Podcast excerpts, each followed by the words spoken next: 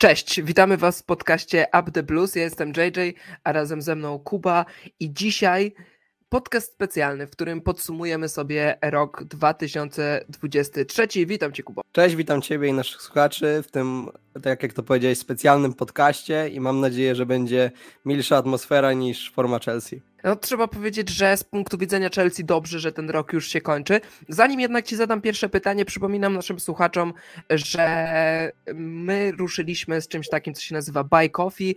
Można nas wesprzeć e, pięcioma złotymi czy, czy inną skromną kwotą, która potem pomaga nam w ulepszaniu po prostu projektu, jakim jest Up the Blues Podcast. Wydajemy to na, na programy do montowania czy na inne tego typu potrzebne rzeczy, więc jeśli doceniacie naszą pracę, no to zapraszam na Buy Coffee. Link macie w opisie do tego podcastu. Od razu zdradzę, że w trakcie nagrania będziemy się łączyć z gośćmi. Połączymy się z Jonaszem Zasowskim z angielskiego Espresso oraz z Przemkiem Pełką z Viaplay Polska. Kuba, w jednym zdaniu, jaki to był rok dla Chelsea? Wydaje mi się, że w jednym zdaniu będzie ciężko, ale postaram się.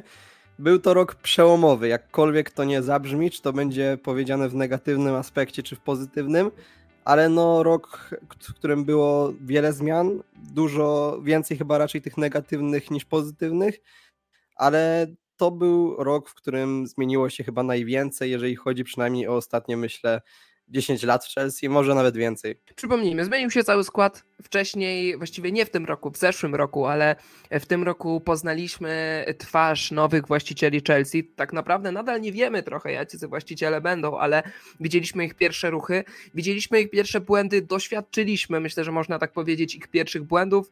E, czy doświadczyliśmy też e, jakichś dobrych rzeczy, które wprowadzili do klubu, to może sobie jeszcze porozmawiamy. Ale Kuba, żeby nasza gadka nie była taka o niczym, to, to może przedstawmy dane. Może um, jeśli ktoś nie wie, jak dramatycznie, przepraszam za przekleństwo, chujowy był ten sezon w wykonaniu Chelsea, to, to może przedstawmy to na liczbach już po tym meczu z Sheffield, teraz przedstawię te może statystyki roczne, czyli z całego roku, a nie z kadencji Pochettino, mamy tutaj 40 rozegranych meczów w samej Premier League i 42 punkty. Przed meczem z Sheffield to wyglądało jeszcze gorzej, bo to były 39 meczów, było 39 punktów, więc to wyglądało wtedy masakrycznie. No teraz też wygląda słabo. No jak na Chelsea przecież takie liczby są wręcz bym powiedział no nieakceptowalne a jeżeli chodzi o, bra- o stosunek bramek, to mamy 46 bramek w całym roku strzelonych,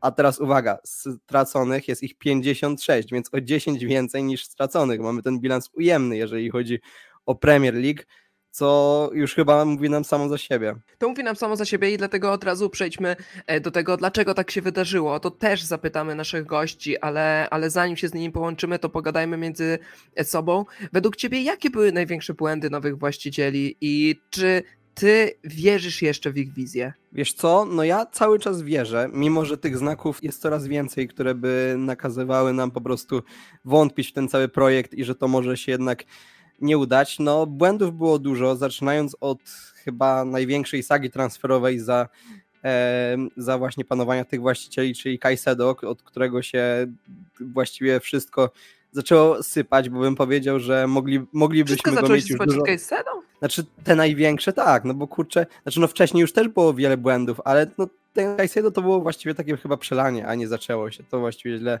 określiłem. A może w ogóle, I... wiesz co Kuba, może sobie rozgraniczmy to na początku, bo e, oczywiście podsumowujemy niby rok, ale dla naszych słuchaczy informacja, jednak będziemy rozmawiać głównie o tym drugim półroczu.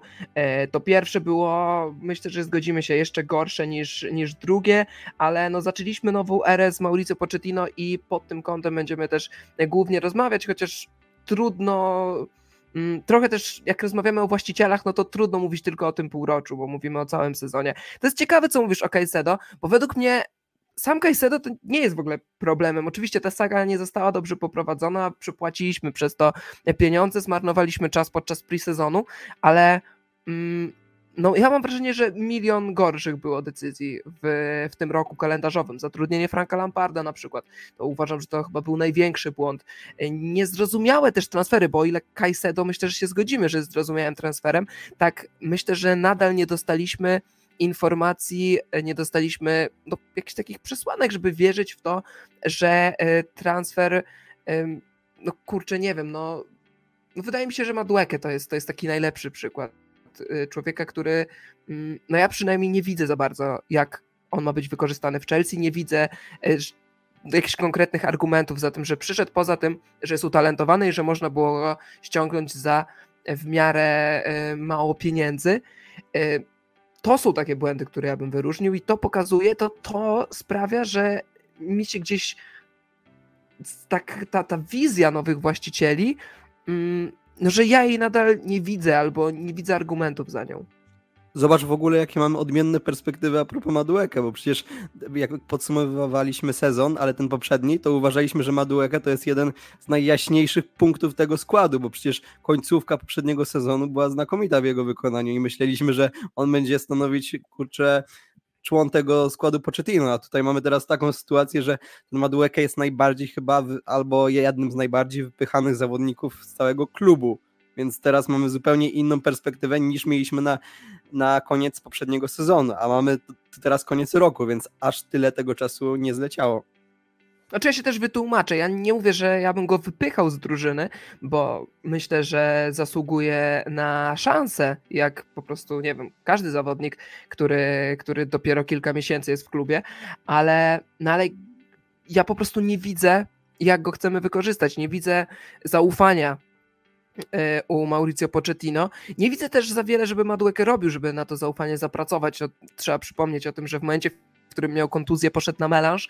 E, ja rozumiem, że on jest młody i wydaje mi się, że ogólnie piłkarze bardziej imprezują niż się o tym mówi, że ukrywają jednak swoje życie takie socjalne, które nie zawsze może nam się podobać, bo wielu kibiców uważa, że jak klub przegrywa, to piłkarze powinni chodzić się smudzić albo tylko siedzieć na siłowni czy na treningach, więc e, ogólnie rzecz biorąc Madueke raczej nic wielkiego tam nie zrobił i, i, to, że poszedł na imprezę nie jest jakimś wielkim skandalem, no ale w takich okolicznościach na pewno sobie nie pomógł, co zresztą przyznał Esau Mauricio Pochettino, więc no, Madueke jest dla mnie tylko takim przykładem, że Chelsea podejmuje mnóstwo chaotycznych decyzji i że ten rok ty powiedziałeś, że był najbardziej przełomowym, coś w tym jest, ale myślę, że na pewno się zgodzisz ze mną i na pewno też, znaczy zgaduję, że, że, że dużo E, słuchaczy się ze mną zgodzi, jest po prostu najbardziej chaotycznym rokiem w historii Chelsea, a trzeba powiedzieć, że żeby ten rok był najbardziej chaotycznym w historii, to trzeba było się postarać, bo Chelsea ogólnie jest chaotyczną drużyną, w której dzieje się bardzo dużo. No, ten chaos też jest dobrym określeniem, no bo przy, przypominasz sobie jeszcze jakiś rok, gdzie było aż tyle zamieszania, chociażby nawet już nie wspominając o transferach, ale o sytuacji całej w klubie, ile wypływało przecież plotek od samych właścicieli. Przecież tu, nie wiem, e, któryś z właścicieli naszych dwóch tu gdzieś latał samolotem, tu były jakieś doniesienia, że tu gdzieś leci, tu, że tu gdzieś leci. No to wszystko był jeden wielki chaos. W pewnym momencie nadawał, że że Todd Bowley wyleciał właśnie do Warszawy, żeby przechwycić transfer Mudryka, a potem okazało się, że nie, jednak nie do Warszawy, tylko do Turcji e, i ostatecznie go przechwycił nie wiadomo gdzie, e, ale chyba jednak w Turcji, nie w Polsce, ale tych, e, tych, tych plotek transferowych było mnóstwo. I, i, I, mówisz, że, że nie tylko transfery, ale jednak wszystko się kręci wokół transferów w tym sezonie. I wydaje mi się, że pierwszym skojarzeniem postronnych kibiców, jak się mówi im o Chelsea, jak oni myślą o Chelsea, no to, no to gdzieś taką pierwszą myślą jest, jest właśnie ta liczba transferów, no i liczba przegranych meczów. Spójrzmy prawdzie w oczy. Chelsea dokonała w tym sezonie, w tym roku kalendarzowym więcej transferów niż wygrała meczów ligowych. To jest dramatyczna statystyka i trzeba powiedzieć, że w 2023 roku e, staliśmy się klubem memem.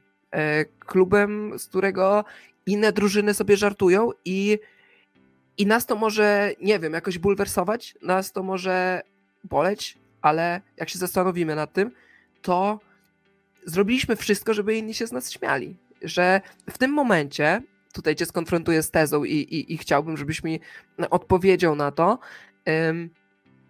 w tym momencie wydaje mi się, że, no, że jesteśmy najbardziej takim memicznym klubem w ogóle i że um, i że no, no, żaden klub się tak nie ośmieszył jak Chelsea w 2023 roku. Jedyny klub, który mi przychodzi teraz na myśl, którym bym powiedział, że porównywał, no to jest Manchester United. Ale tutaj mamy nadal sytuację, gdzie ten klub gra, grał do niedawna w Lidze Mistrzów i zakwalifikował się tam i cały czas jest on wyżej od nas w tabeli, a przecież to, ile tam brudu jest, to też jest e, przecież porównywanie do Chelsea, a przecież Manchester United teoretycznie, biorąc pod uwagę to, jakiej sytuacji się znajduje, no to jest w dużo lepszej sytuacji niż Chelsea, mimo biorąc pod uwagę ten styl gry, w jakim grają, bo ja bym powiedział, że Chelsea jest drużyną, która gra ładniej w piłkę, ale to nie, to nie daje po prostu nam nic ani w punktach, ani w tabeli, w której przecież chcemy być jak najwyżej, żeby móc wrócić do europejskich pucharów, no bo to nas najbardziej interesuje po tych transferach, które przecież dokonaliśmy, bo bez tego się to wiadomo nie spłaci. I zgodzę się z tym, Mówisz, że Chelsea, Chelsea jest najbardziej teraz memicznym klubem. Mówisz, że Chelsea gra ładnie, ja myślę, że Chelsea gra czasami ładnie, a czasami po prostu męczy bułę i że to jest problemem e, naszym. Ale uważasz, że, że Chelsea gra gorzej niż Manchester United? Tak biorąc pod uwagę całość, nie mówię tutaj pewno, o poszczególnych meczach. Na pewno w meczu bezpośrednim tak. E, poza tym wydaje mi się, nie wiem jak odpowiedzieć na to pytanie tak naprawdę, ale więc tak wymijająco odpowiem, że e, bardziej wierzę, że Chelsea e, gdzieś wyjdzie na prostą niż Manchester United. Wydaje mi się, że w Chelsea jest kilka punktów, które dają nadzieję. W Manchesterze United jest punkt jeden, nazywa się Bruno Fernandes ale zostawmy może Manchester United, bo oni nas za bardzo w tym podcaście nie interesują. Kuba, zanim się połączymy z naszym pierwszym gościem, kto według Ciebie ponosi odpowiedzialność za sytuację w klubie? No bo tu już jakby nie będziemy, nie będziemy.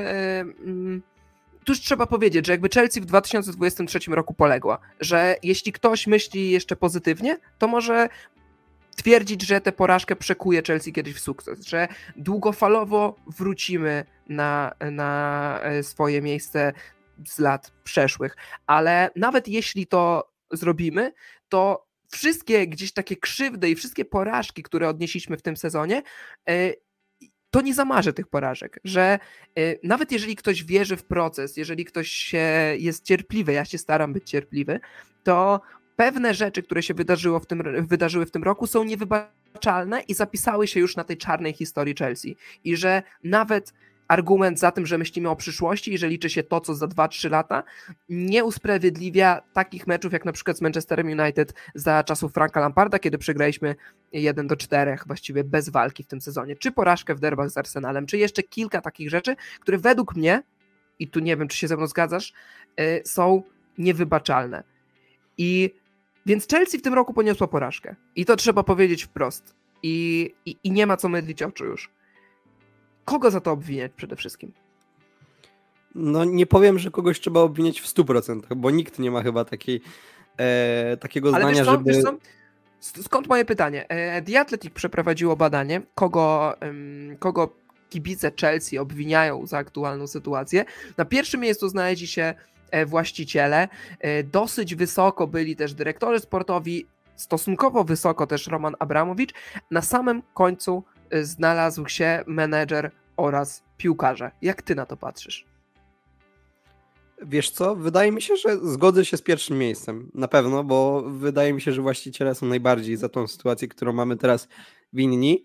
Jeżeli chodzi o piłkarzy i menedżera, czyli mówisz, że oni byli najmniej jakby razy zaznaczalni w tej ankiecie, to wydaje mi się, że no ja bym się zgodził. No nie wiem, kto mógłby być jakby mniej winni niż oni. Oni są winni, bo nie bez powodu są w tej ankiecie jako wybór, ale no nie powiedziałbym, że chociażby piłkarze, którzy byli ściągani wszyscy w miarę jednakowym czasie w przeciągu tych dwóch okienek, są winni temu, że ten klub nie jest stabilny i że właściwie nikt nie wiedział, przynajmniej do tego sezonu, kto gra na jakiej pozycji, jak gra, w jakim ustawieniu będzie Chelsea grać. Ci piłkarze właściwie wszyscy, wszyscy podjeżdżali z różnych klubów, z różnych kontynentów i musieli się wszyscy dopasować w jedną taktykę, bez trenera właściwie takiego długofalowego, no bo to była ciągle, ciągła karuzela w Chelsea. My nie wiedzieliśmy, kto będzie trenerem Chelsea za tydzień i no, taka sytuacja nie jest komfortowa dla piłkarzy, żeby od razu wejść w zespół, jak chociażby, nie wiem, przykładem tutaj może być Liverpool, gdzie tam są zmieniane, zmieniane pojedyncze pozycje, jak na przykład pomoc teraz w tym sezonie, a reszta składu została bez zmian. Właściwie ja mam podobne przemyślenia, co, co ty. Ja oglądając mecze wkurzam się bezpośrednio na zawodników Chelsea. Wkurza mnie Nicolas Jackson, irytuje mnie czasami e, Mudryk. E, mam serce mocniej mi bije, jak widzę Disasiego. Na widok Sancheza to robi mi się już niedobrze, ale jak sobie racjonalnie to wszystko przemyślę, to, to, to ci zawodnicy nie są winni. Ja jeszcze pod koniec zeszłego sezonu bo tutaj znów wracam, że, że, że próbujemy omawiać też aktualny, ale też, też, też, że będziemy wracać do tego poprzedniego sezonu i szczególnie jego drugiej części to wtedy rzeczywiście piłkarze odpuszczali i porażki właśnie z 4-1 z Manchester United wynikały z tego, że piłkarze się nie starali, że oni nie wiedzieli, co chce grać Frank Lampard i że oni chcieli już mieć ten sezon za sobą i zacząć od nowa w, w, już z nowym trenerem. I to widziałem w zeszłym sezonie, ale w tym ja nie wiem, czy bym zarzucił piłkarzom chociaż w jednym meczu brak zaangażowania tak w skali 90 minut. Oni często nie wiedzieli, co mają robić. E, często było tak, że powinni bardziej atakować, że szczególnie pod koniec meczów, jak, jak przegrywaliśmy, czy jak mieliśmy niekorzystny wynik, powinni jakoś tak bardziej zagrać z głową, bardziej agresywnie, ale nie wydaje mi się, żeby był mecz, w którym piłkarze za Mauricio Pochettino całkowicie odpuścili. Nawet ten dramatyczny mecz z Manchester United, tam problemem nie było zaangażowanie piłkarzy. To nie, było, to, to, nie był problem. Jest ten mecz z Newcastle, to prawda. Yy, bardzo dużo wtedy było ludzi, byliśmy wtedy na zlocie, więc a potem nie oglądałem już powtórki tego meczu, bo przegraliśmy 4-1 i to nie było na moje serce, by mi pękło jeszcze raz, e, ale tak mówiąc na poważnie, e, tam w pierwszej połowie było ok, w drugiej połowie wszystko siadło i, i kartka Risa Jamesa rzeczywiście przekreśliła to spotkanie i potem już na stojaka em, doszliśmy do końca meczu, więc Pewnie tak, pewnie Newcastle jest dobrym przykładem, dobrze mówisz, ale też znowu w skali 90 minut nie wydaje mi się, żeby tam nie było zaangażowania przez cały czas, że to nie było tak, że oni obok meczu przeszli, że jednak kilka trochę przypadkowych, no bo mamy błąd y, Tiago Silva, mamy tę czerwoną kartkę, czyli kilka jakichś głupich może błędów, nie przypadkowych, ale głupich, sprawiło, że, że naszym piłkarzom to podcięło skrzydła i oni potem też byli tacy bardziej zdezorientowani. Ale ja bym bronił piłkarzy o tyle, że naprawdę nie mamy w tym momencie w drużynie już takich hakimów zjechów, którzy ewidentnie w tym klubie nie chcą grać.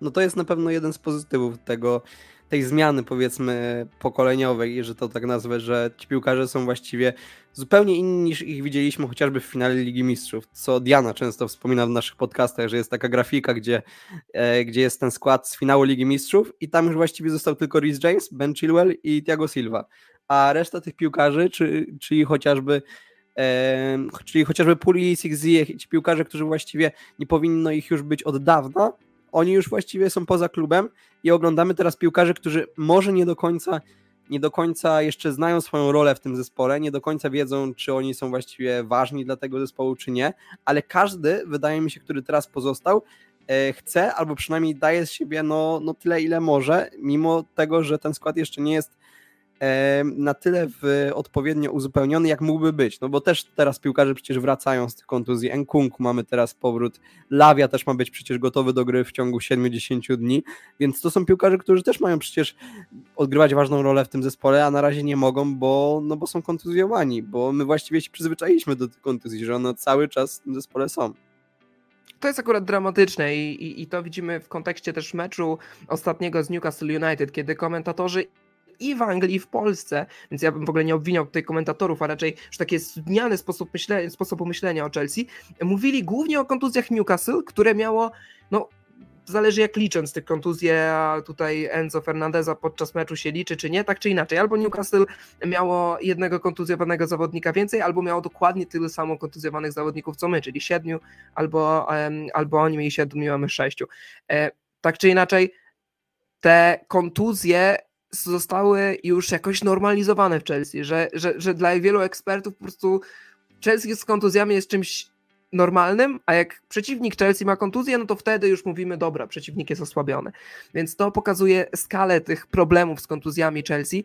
E, absolutnie dramatyczne. Według mnie to trochę przekreśliło, e, przekreśliło ten sezon. Jak się połączymy z Przemkiem Pełką, to, to zapytam go, może właśnie o te kontuzje, o to, o to jak on patrzy na, na wpływ kontuzji na, na, na formę Chelsea, ale chciałbym wrócić jeszcze do jednej rzeczy. Dzisiaj mamy trochę chaotyczny podcast, ale taki był też rok i taka jest Chelsea, więc mam nadzieję, że to nas tłumaczy.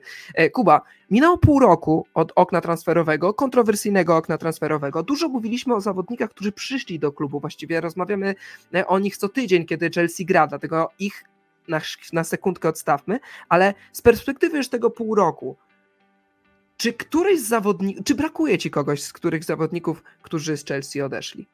Wydaje mi się, że z przeciągu e, pół roku chyba nikogo mi nie brakuje, jeżeli tak sobie jeszcze analizuję te nazwiska, które odeszły. Wydaje mi się, że niektóre, niektóre drogi niektórych piłkarzy mogły się potoczyć inaczej i wtedy by mi ich e, brakowało. Chociażby mi tutaj przychodzi najbardziej na myśl piłkarz, który, do którego miałem największe, e, największe chyba nadzieję, że to jeszcze będzie piłkarz, który będzie coś stanowić e, e, za Pochettino, czyli Ruben Loftus-Cheek, bo myślałem, że to będzie dobry zmiennik i że to będzie piłkarz, który jeszcze da coś tej drużynie, powiedzmy chociaż z ławki, a tak się nie stało. Mamy zupełnie nową tą drużynę i chyba to jest taki jeden piłkarz, którego mi teraz przychodzi do głowy. Myślę, że moja opinia o Rubenie Loftusu-Cheeku wszyscy znają. Ja bardzo go szanuję, ale uważam, że nie był zawodnikiem na miarę Chelsea. E, ja tak się zastanawiam, czy, czy, czy, czy jednak nie trzeba było bardziej zabiegać o to, żeby Cezara Spiliqueta został w składzie. On piłkarsko byłby nam w ogóle niepotrzebny z jednej strony, z drugiej mamy mnóstwo kontuzji na bokach i nie wiem, czy taki Aspilicueta no to jest kontrowersyjne, ale może by się zastanowić, czy on na tej prawej stronie nie byłby lepszy od, od Axela Disasiego, chociaż według mnie Disasi, szczególnie w defensywie, nie jest taki zły na tej prawej stronie. Ale wiesz, tak Więc, tak, biorąc, y, tak biorąc faktycznie Więc, pod ale... uwagę, to nie mogliśmy przewidzieć, że, e, że Rhys James, czyli kapitan teraz, będzie mieć kontuzję że Gusto będzie mieć kontuzję, bo on też był nowym zawodnikiem ściągniętym. I jeszcze mieliśmy tego Disasiego, który był w głowie, że to jest środkowy obrońca, ale też może zagrać na tej prawej obronie. No ja wiem, że Disasi teraz wiemy, jak gra na tej prawej obronie, no ale przed znaczy, sezonem kto mógł się tego spodziewać? Znaczy ja myślę, że można było się tego spodziewać, jak będzie grał DCC, bo wydaje mi się, że on gra dokładnie tak samo jak we Francji, czyli właśnie w defensywnych aspektach dobrze, on też w miarę dobrze czyta grę, ale, ale gdzieś e, brakuje mu na przykład dynamiki, która jest potrzebna w ofensywie.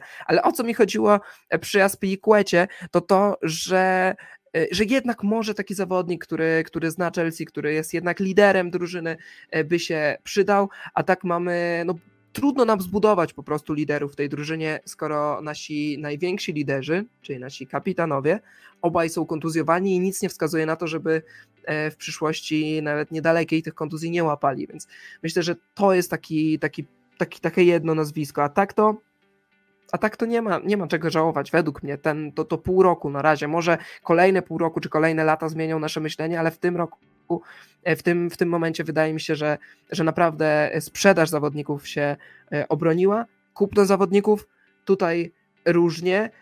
Kuba, najlepszy zawodnik według ciebie tego półrocza, jakbyś miał tak wskazać, to, to, to, to kto by to był? I, I może od razu też powiedz najlep, najlepszy transfer według ciebie. Wiesz co, wydaje mi się, że teraz mi się troszeczkę ta ta troszeczkę narracja mi się psuje przez ostatnie wydarzenia, ale takim symbolem chyba zmiany dla mnie jest Enzo Fernandez. Nie wiem, czy ktoś inny by mógł jakby tak znaczącą rolę e, pełnić jako na przykład nowy zawodnik, ale no, dla mnie to jest symbol trochę takiej tej nowej Chelsea. Po tych dużych transferach, po obiecującym młodym składzie, bo on chyba no, najlepszy młody zawodnik Mistrzostw Świata. No to, to o czymś mówi, że to jest chyba ten powiedzmy, że flagowy transfer to do Bowliego i no i on by był dla mnie takim zawodnikiem.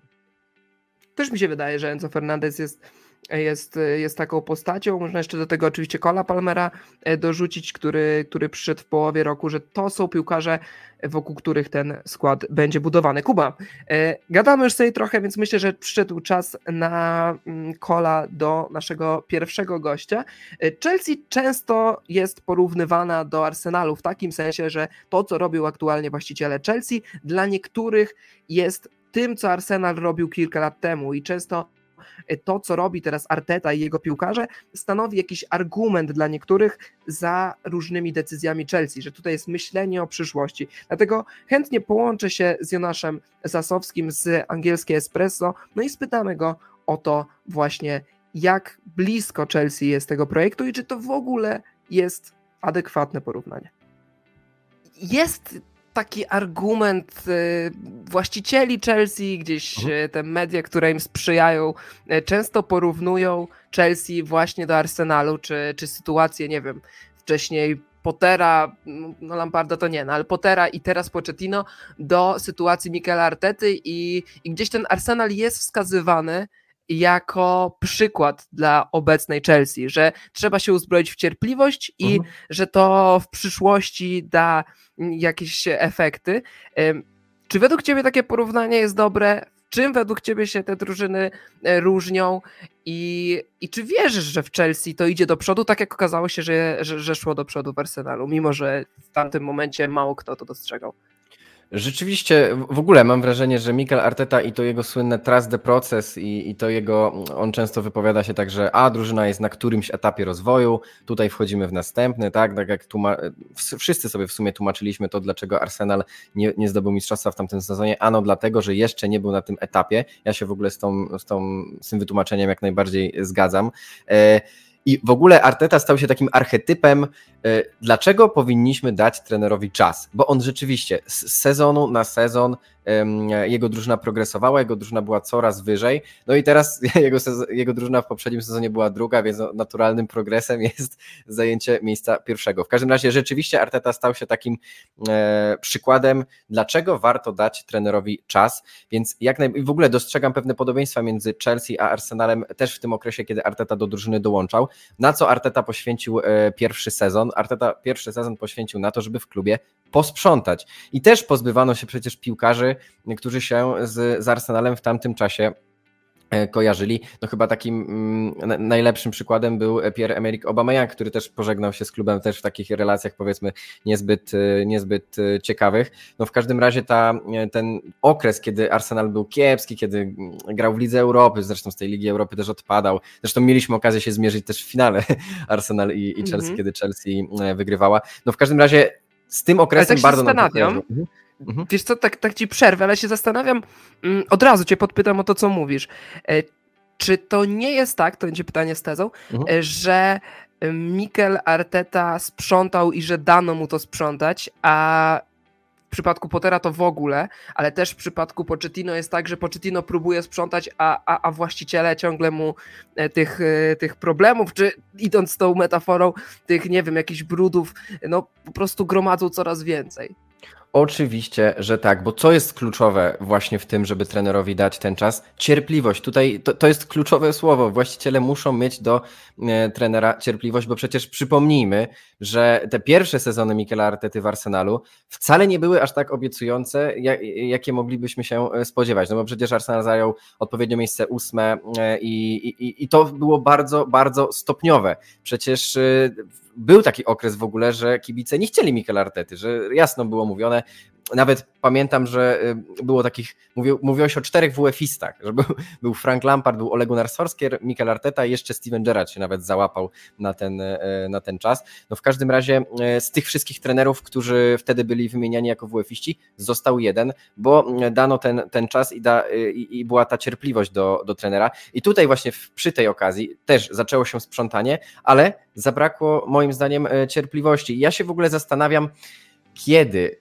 bo, bo, bo bo to nie jest odpowiedź oczywista, który trener jakby powinien dostać y, więcej czasu, bo szczerze mówiąc to, kiedy zastanawiam się, kiedy nastąpił ten taki drastyczny spadek, y, em, można nawet tak, ostatnio Patryk Smyk na łamach angielskiego Espresso właśnie napisał taki fajny tekst, że Chelsea straciła swoją tożsamość. I ja się zastanawiałem, kiedy to nastąpiło. I być może to właśnie nastąpiło z dniem zwolnienia Tomasa Tuchela, no nie wiem, tak się głośno zastanawiam, nie, nie mówię, że to jest jakaś objawiona prawda, ale może rzeczywiście to był trener, któremu powinno się wtedy dać, dać więcej czasu, który też był z drużyną trochę dłużej. Na pewno Grahama Pottera zwolniono dość, dość szybko. Nie wiem, czy on był akurat odpowiednim trenerem, mm, ale szczerze uważam, że akurat Mauricio Pochettino to jest trener, któremu zdecydowanie należy dać czas i, i któremu po prostu z, y, trzeba zaufać, bo już nieraz pokazał, że, e, że to jest... I też mam wrażenie, że Mauricio Pochettino dobrze diagnozuje problemy Chelsea, bo to nie jest tak, że e, okej, Chelsea cały czas gra słabo. Nie wiem, czy tak dużo się zmieniło od czasu, kiedy e, to, to Graham Potter sprawował e, pieczę nad Chelsea. Na pewno jest lepiej, ale ja też dostrzegam, że Pochettino widzi, że się dzieje źle z drużyną, bo on potrafi powiedzieć, że to był nasz najgorszy e, mecz w sezonie, że jest wściekły, że, że, że w sumie to Chelsea jest największym wrogiem Chelsea i najpierw Chelsea musi e, wszystko u siebie poukładać. On jakby jest świadom tych problemów, e, nie jest, nie wiem, na przykład no, Erik Ten Hag jest takim gościem, który, chociaż nie wiem na ile to jest gra, ale on na przykład mówi, że ok, wszystko jest git, gramy dobrze i, i wszystko jest w porządku i nie wiem, czy to jest taka gra, typu Jose Mourinho, który zawsze wszystko brał na siebie i, i, i, nie wiemy, co tam z drużyną zawsze rozmawiam. Może, może Erik Ten Hag też tak robi, ale y, ewidentnie jestem świadom tego, że Mauricio Pochettino wie o problemach, jakie ma Chelsea i to dobrze, bo skoro wie o tych problemach, znaczy, że pracuje nad ich rozwiązaniem, więc zdecydowanie to jest trener, któremu ja bym, ja bym tutaj dał czas i, i uważam, że jest odpowiednim gościem na odpowiednim miejscu. No to teraz wracając do mojego pierwszego pytania, mhm. ale patrząc tak bardziej pozytywnie, jakie znów z perspektywy kibica Arsenalu i tego, co mhm. Arsenal przeszedł w ostatnich e, latach, widzisz, nie wiem, pozytywne sygnały, że w Chelsea się coś ułoży, czy w ogóle widzisz jakieś, czy, czy znowu mamy tutaj jakieś przełożenie z tego, co się działo w Arsenalu?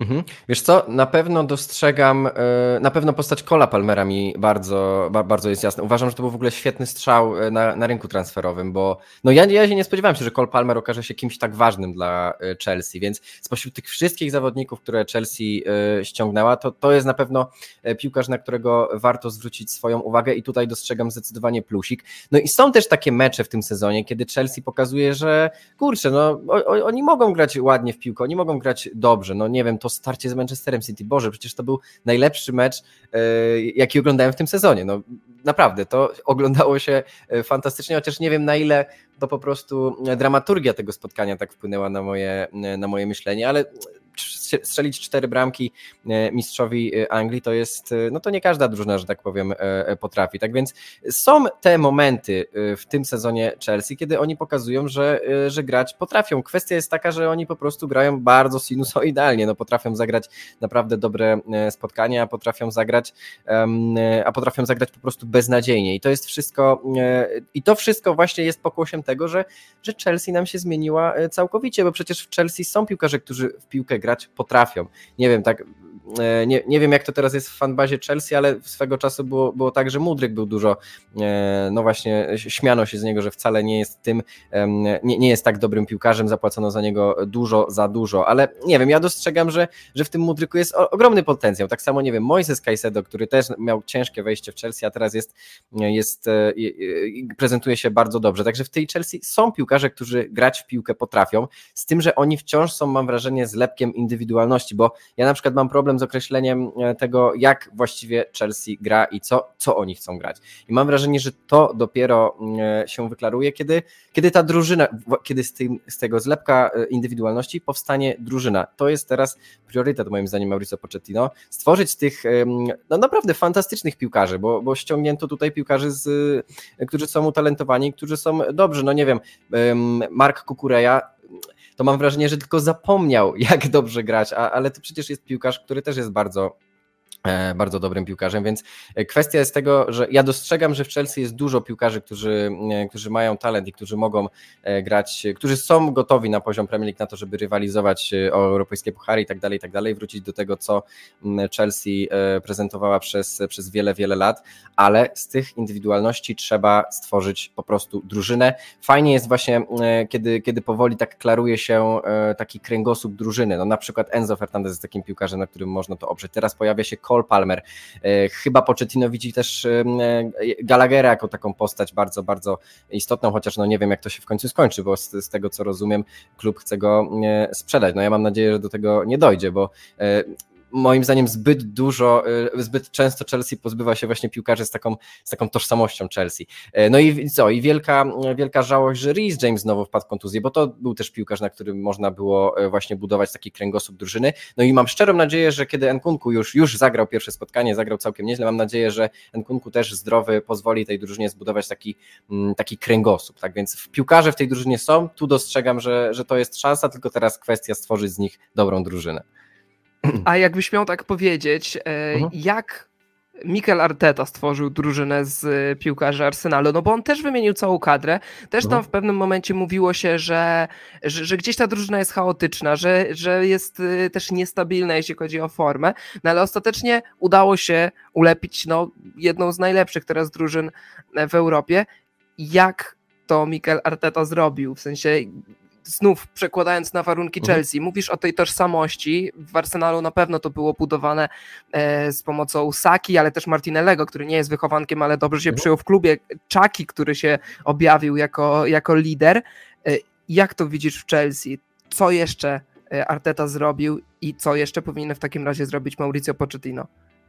No kiedy tak, y, kiedy tak zastanawiam się nad tym właściwie, co było takim punktem przełomowym w, w tym, że Arsenal wszedł level wyżej, e, bo rzeczywiście najpierw Arteta zaczął się pozbywać tych zawodników, e, którzy, no, którzy kiedyś stanowili nawet o sile Arsenal, już swego czasu Pierre-Emerick Aubameyang, no to był królem strzelców Premier League, gdzieś ta jego cieszynka z Lacazette'em była taka, e, była taka słynna. No w każdym razie wymieniono całkowicie tych, tych piłkarzy i Wiesz co, szczerze takim punktem chyba kulminacyjnym było dołączenie do, do tej drużyny Zinczenki i Gabriela Jezusa. Więc to też nie było takie, że oczywiście tu wciąż byli piłkarze, którzy cały czas stanowią o sile. Je- Jest przecież Martin Odegaard, jest Bukayo Saka, jest Gabriel Martinelli, ale to byli pił... Ja zawsze mówię, że Gabriel Jesus i Zinchenko przynieśli do tej ekipy e, mentalność zwycięzców, o której tak dużo e, mówiono. W sensie, no to są piłkarze obyci, którzy wygrywali wiele, wiele rzeczy. Nawet jako piłkarze może nie pierwszoplanowi, tylko, tylko drugoplanowi powiedzmy. No, Gabriel Jesus może nigdy nie był aż tak ważny, nie wiem, jak Sergio Aguero.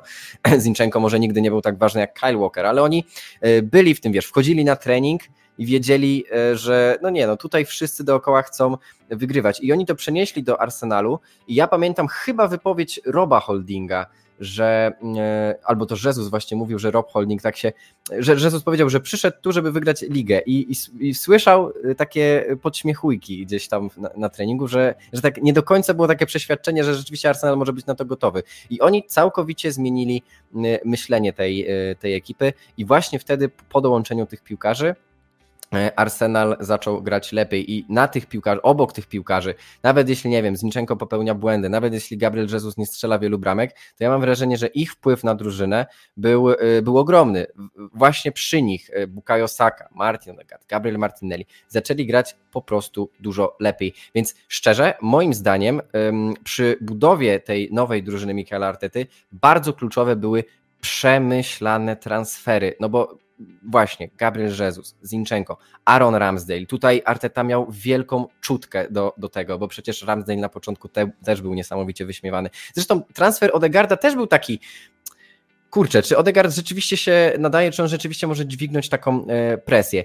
I tutaj, jeśli chodzi o czutkę, to naprawdę w ostatnich la latach Arsenal miał wielką czutkę do, e, do transferów. Nawet Jorginho, który może na boisku już nie daje tak dużo, to podobno Jorginho jest świetną osobą w szatni, która przecież też Jorginho wygrał mnóstwo rzeczy na, na różnych polach. On też podobno w szatni daje takie, pomaga mentalnie tym młodym piłkarzom, którzy w sumie jeszcze nie wygrali aż tak dużo.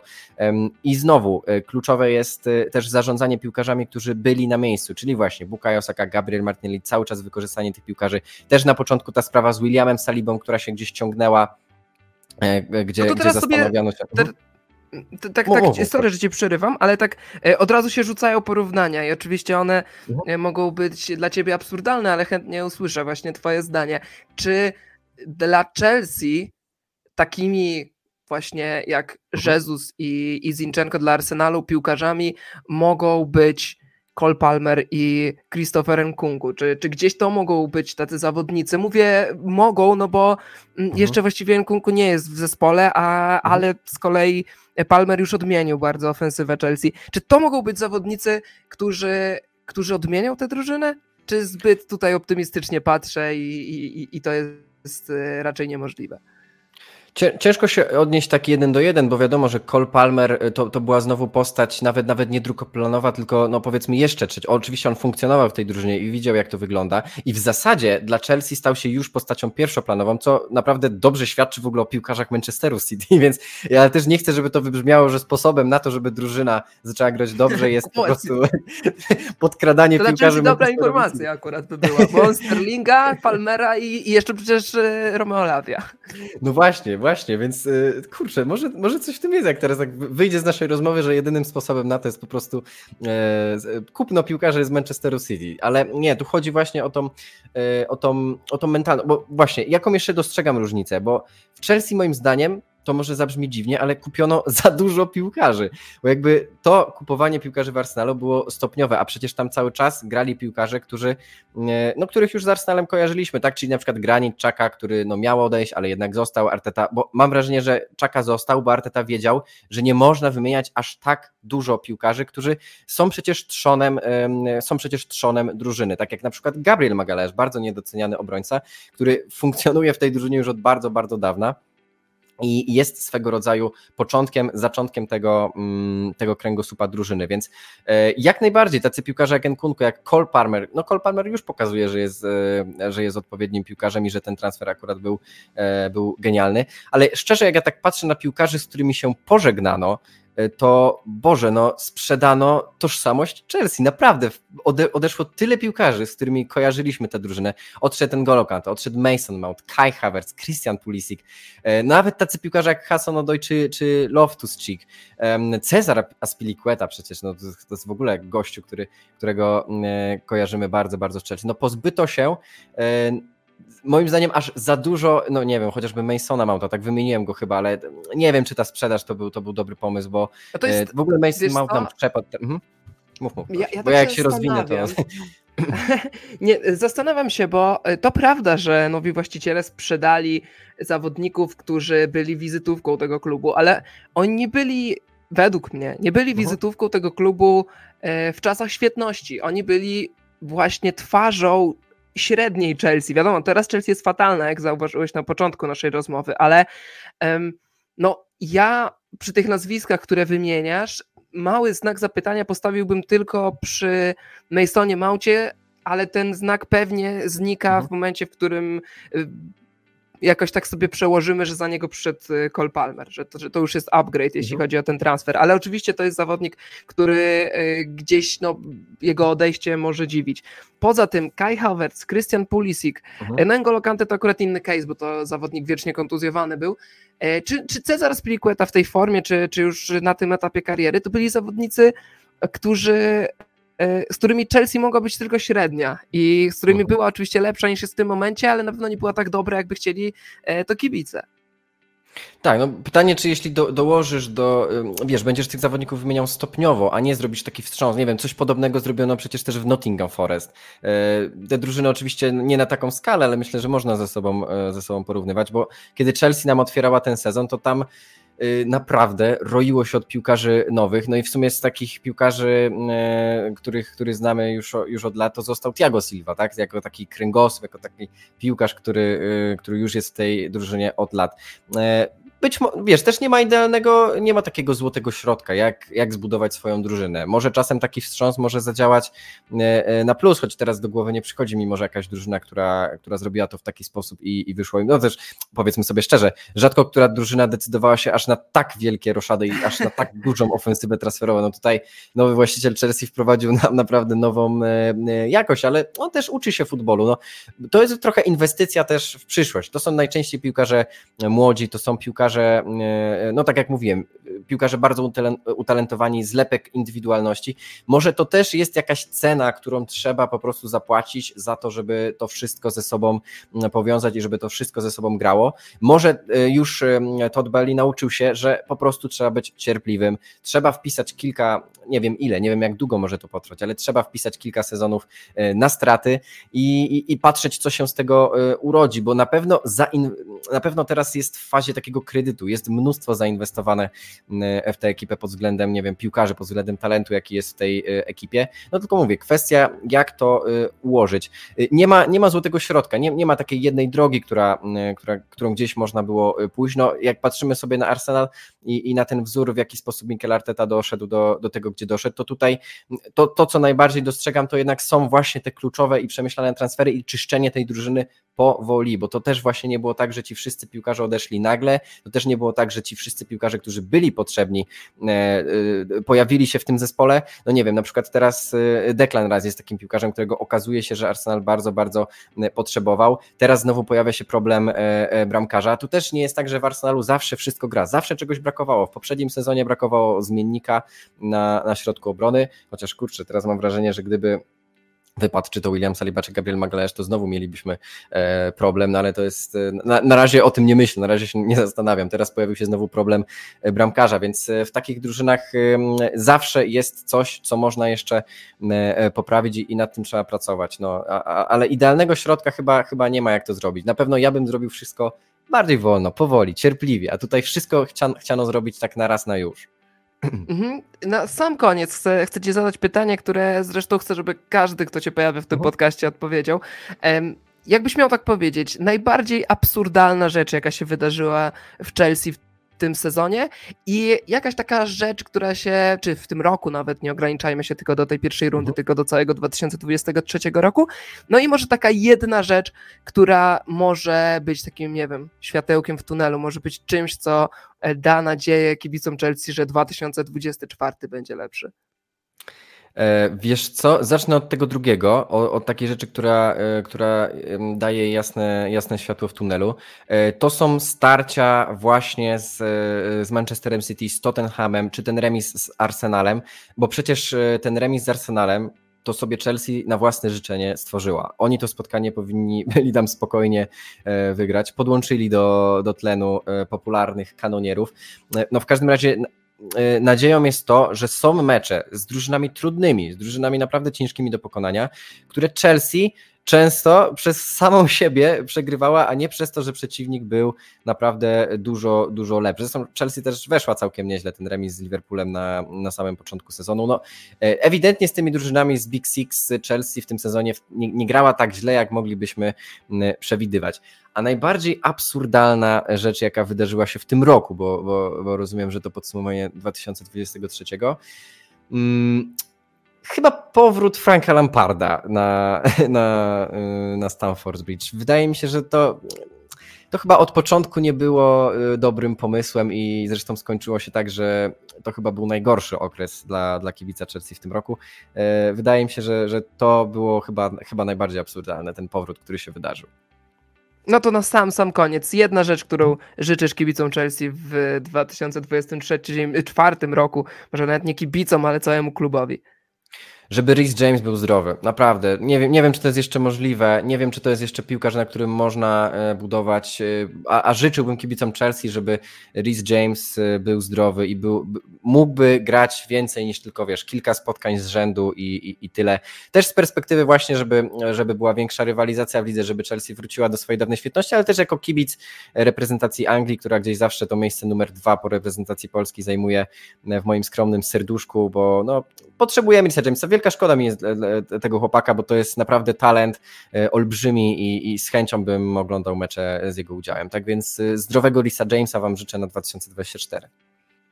Myślę, że życzenia od Jonasza e, te dotyczące kontuzji Lisa Jamesa można przełożyć właściwie na wszystkich zawodników, no bo w tym momencie, jak tak luźno liczę, to nawet możemy, możemy naliczyć 12 kontuzji, no bo Wesley Fofana jest nadal kontuzjowany, Mark Kukureya jest kontuzjowany, Rhys James, Robert Sanchez, Ben Chilwell, Romeo Lavia.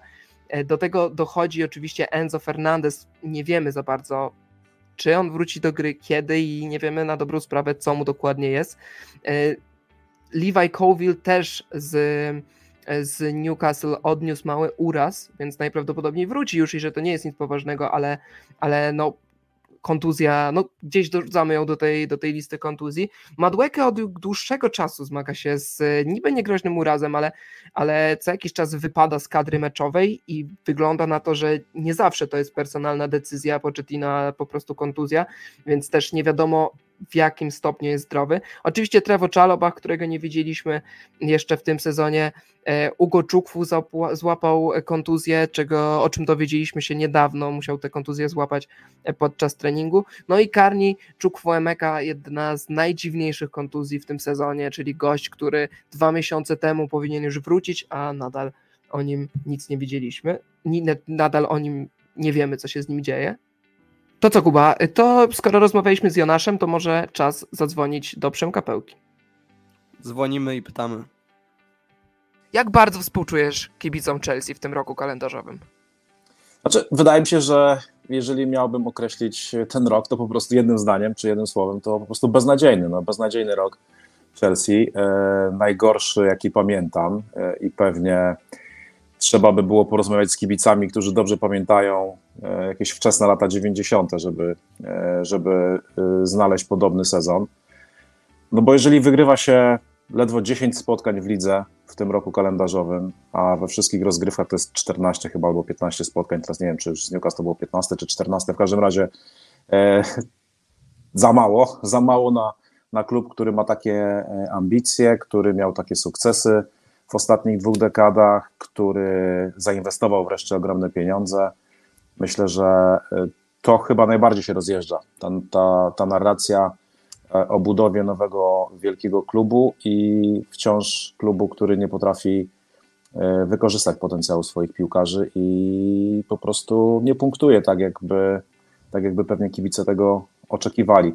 E, mamy przykłady szkoleniowców, którzy wchodzili do swoich klubów w ostatnim czasie i potrafili zrobić szybki postęp, tak jak, nie wiem, Aston Villa, tak jak Newcastle, tak jak nawet Tottenham w tym sezonie. No i jest też przykład y, trochę miotającego się y, klubu z zachodniego Londynu, prawda, który zmienia, zmieniał szkoleniowców. Y, nawet się w pewnym momencie spotkałem z taką prześmiewczą opinią, że Chelsea miała więcej transferów zrobionych niż wygranych meczów, no więc to na pewno musi być dla kibica Chelsea bolesne. Jakbyś miał powiedzieć, dlaczego ten rok był aż tak zły? Znaczy, y, wydaje mi się, że mm, no jeżeli, jeżeli robi się ciągłe zmiany i nie ma się mm, być może jasno nakreślonej strategii działania od samego początku, to, to tego typu historie niestety mogą się przytrafić. Natomiast y, wydaje mi się, że gdyby wcześniej postawiono na odpowiedniego szkoleniowca i tak naprawdę na odpowiednią strukturę działania, no to, to być może uniknęli, uniknęliby pewnych zawirowań i właściciele klubu, oczywiście mówię o nowych właścicielach klubu. E, natomiast widać było, że ta polityka była bardzo chaotyczna na samym początku, postawiona na innych piłkarzy, potem z tych piłkarzy, których kupiono w zeszłym roku, już prawie nikogo nie ma. Mm, zmieniono czterokrotnie trenera, e, więc no, takich rzeczy, takie rzeczy po prostu nie mogą funkcjonować w poważnym klubie, w zawodowym klubie, jeszcze w takiej lidze, która tak naprawdę nie wybacza i w lidze, w której możesz przegrać tak naprawdę z każdym, e, bo wszyscy mają tak naprawdę narzędzia i umiejętności, żeby, żeby ci zaszkodzić. Więc wydaje mi się, że chaotyczna polityka, e, która oczywiście zauważam to w tej drugiej fazie, powiedzmy, czy, czy od letniego okna transferowego zaczyna się mniej więcej klarować i wydaje mi się, że jest już prowadzona w, w, lepszym, w lepszym stylu. Lepsi piłkarze, e, po lepszych piłkarzy tak naprawdę sięgnięto i przede wszystkim sięgnięto po trenera, który być może nie gwarantuje, ale daje zdecydowanie większe szanse na to, że w dość szybkim czasie będzie można zespół wyprowadzić na prostą. Natomiast nie wiem, jakie są oczywiście oczekiwania e, klubu, czy, czy klub E, słyszałem takie pogłoski, że oni e, absolutnie chcą być w europejskich pucharach w przyszłym sezonie. Zresztą wiemy, że e, wynika to też pewnie z pewnych mm, spraw finansowych. No musisz jeszcze mieć dodatkowe źródła zarobkowania, żeby, żeby utrzymać po prostu bardzo, bardzo drogą i szeroką kadrę. Yy, i żeby się po prostu gdzieś nie, nie nagle nie zaczęły problemy z e, financial fair play, czy tak jak w przypadku Premier League e, z tym e, sustainability, nie? Żeby, żeby się po prostu zmieścić w warunkach finansowych. Więc żeby to zrobić, no to trzeba mieć też odpowiednie, odpowiednie przychody. Żeby mieć odpowiednie przychody, no to najlepszym rozwiązaniem byłoby zyskać je z europejskich pucharów. Czy Chelsea stać na europejskie puchary w tym sezonie? Na Ligę Mistrzów? Nie wydaje mi się. E, natomiast europejskie puchary myślę, że są jeszcze w zasięgu.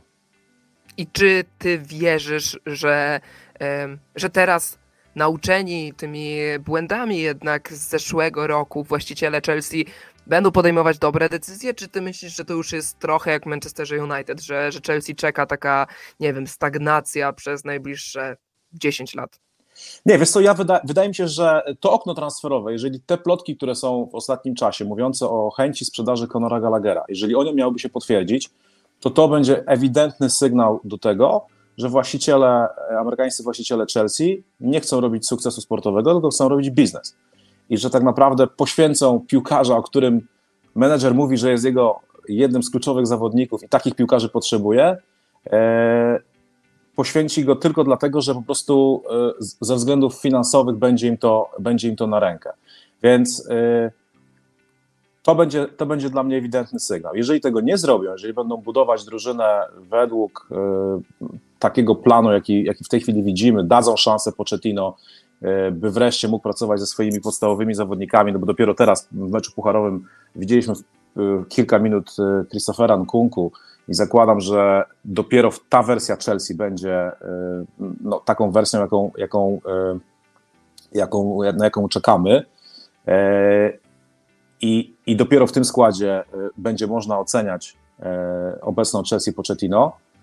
Mm, no to wtedy, to wtedy będzie jakby to będą sygnały, prawda? To będą sygnały, w którą stronę ta, ten projekt, ten, ten, ten klub chce, chce zmierzać. Mówiło się także o tym, że, że mają być wzmocnienia, natomiast ma być ich tyle, ile odejść z klubu, no bo wiemy, że ta kadra mimo wszystko była za mocno, mm, za mocno rozbudowana i, i trzeba było też szukać miejsca e, na wypożyczenie dla niektórych zawodników. E, wiemy, że niektórzy zawodnicy są kupowani. Wiem, wiem jakie było kryterium, prawda? No, kryterium był wiek i potencjał, ale no nie wszyscy mogą w jednym czasie dojrzeć odpowiednio, żeby ten potencjał um, uwydatnić, więc więc z pewnymi rzeczami trzeba poczekać. Wydaje mi się, że piłkarze, których e, sprowadzano, mają bardzo dużo umiejętności i teraz e, właśnie oczekiwałbym od Pochettino, żeby, żeby ten potencjał od każdego z tych piłkarzy wydobył, no bo jeżeli nie, no to wiemy w jaką, w jaką, w jaką stronę to może zmierzać, bo ten biznes mm, Amerykanów jest bardzo ryzykowny. No, powierzanie kontraktów 7-8-letnich E, młodym piłkarzom, którzy nie wiadomo, czy się odpowiednio sprawdzą i czy będą, e, i czy będą do skeszowania za, za jakiś czas, za lepsze pieniądze albo za podobne pieniądze, no to to jest ryzyko, prawda? Balansowanie na, na granicy financial fair play to jest ryzyko. E, oczywiście można się, można się zastanawiać, e, wykorzystali przepisy prawne i spoko, to jest wszystko jasne, natomiast na końcu potem będzie rachunek ekonomiczny i E, jeżeli tych wyników nie będzie, jeżeli te, ten klub nie będzie e, zarabiał, no to, no to nie wiem, co, co dalej. To, tak, to będzie takie błędne koło, prawda? Bo zmiana menedżera moim zdaniem nic tutaj nie da. Ja bym, ja bym absolutnie nie, nie szedł w kierunku y, y, zmiany menedżera w tym momencie, kiedy, kiedy Pochettino pracuje dopiero, dopiero parę miesięcy. Może o Pochettino jeszcze sobie zaraz porozmawiamy, ale ostatnie pytanie o właścicieli.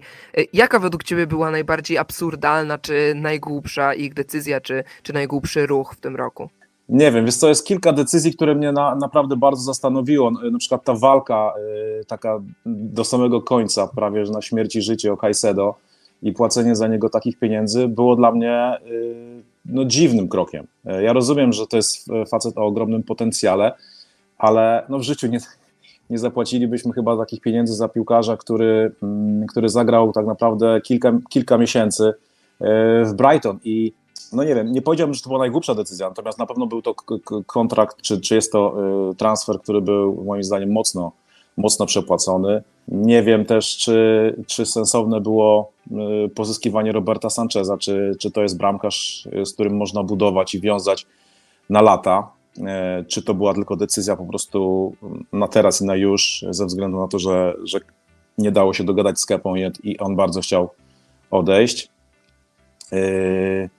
No ale wydaje mi się, że trochę jednak e, ten zespół trochę ten zespół jednak jest nie, nie, niezbalansowany odpowiednio. Zobaczymy teraz właśnie, jestem ciekaw, bo to będzie chyba najciekawsze kilka miesięcy w sezonie, kiedy będą dostępni już w zasadzie czy w większości, czy, czy wszyscy ważni piłkarze, Mm, I, I jak to będzie funkcjonowało z Nkunku, no bo wydaje mi się, że to jest taka melodia, która powtarza się od początku tego sezonu. Nkunku ma być zbawcą Chelsea. Widzieliśmy go Właśnie, w okresie przygotowawczym. Tego nie wiem, tego nie wiem. Wydaje się, że są oczywiście e, ku temu e, argumenty, żeby tak było. Piłkarz, który sprawdzał się na ba- bardzo, na bardzo e, wysokim poziomie. Piłkarz, który oprócz bramek potrafi też asystować, piłkarz, który może znaleźć się w różnych pozycjach. Myślę, że piłkarz, który może zachować zdecydowanie więcej zimnej krwi niż na przykład Nicolas Jackson, który oczywiście liczby ma niezłe, ale wydaje mi się, że jest dość, jest dość frustrującym piłkarzem, jak się na niego patrzy, bo, bo marnuje y, sporo prostych sytuacji. Mm, I, I wydaje mi się, że to może, to może trochę Chelsea pomóc, no bo tym problemem Chelsea wydaje mi się w głównej mierze, on- one były różne te problemy, to się zmieniały, ta sytuacja się, e, patrzę na, na Chelsea, mm, jest bardzo płynna, prawda, ten zespół e, trochę jest jak rzut kostką, że nie wiesz, nie wiesz na co trafisz w danym momencie, Czasami były problemy, proste problemy w defensywie, czasami były, czasami zawodziła e, strasznie nieskuteczność. Dlatego zobaczymy. Ja jestem, ja jestem ciekaw bardzo i wydaje mi się, że jednak z powinno być trochę lepiej. A jeżeli nie będzie lepiej, no to wtedy trzeba będzie zadać pytanie o strukturę gry i o samego Pochettino. Wtedy tak. Wtedy trzeba będzie pytać, czy Pochettino e, dobrze układa ten zespół i czy tak naprawdę e, wydobywa wszystko, co, co można tej drużyny. Jest jeszcze kolejne pytanie, co z Enzo, bo widzimy, że jest, no z nim jest jakiś problem w tym momencie. Nie mówię, że problem, e, nie wiem, czy to jest problem fizyczny. E, Pochettino po meczu mówił, że to, był, że, że, że to była jakaś choroba, no ale nie sądzę, żeby piłkarz, który jest chory, płakał po meczu. Natomiast Enzo wyraźnie płakał po meczu. Więc wydaje mi się, że to jest jakiś problem e, no, z kontuzją, być może z czymś, co się ciągnie od dłuższego czasu i, i, wymaga, i wymaga, nie wiem, operacji albo jakiegoś, jakiegoś, innego, jakiegoś innego leczenia.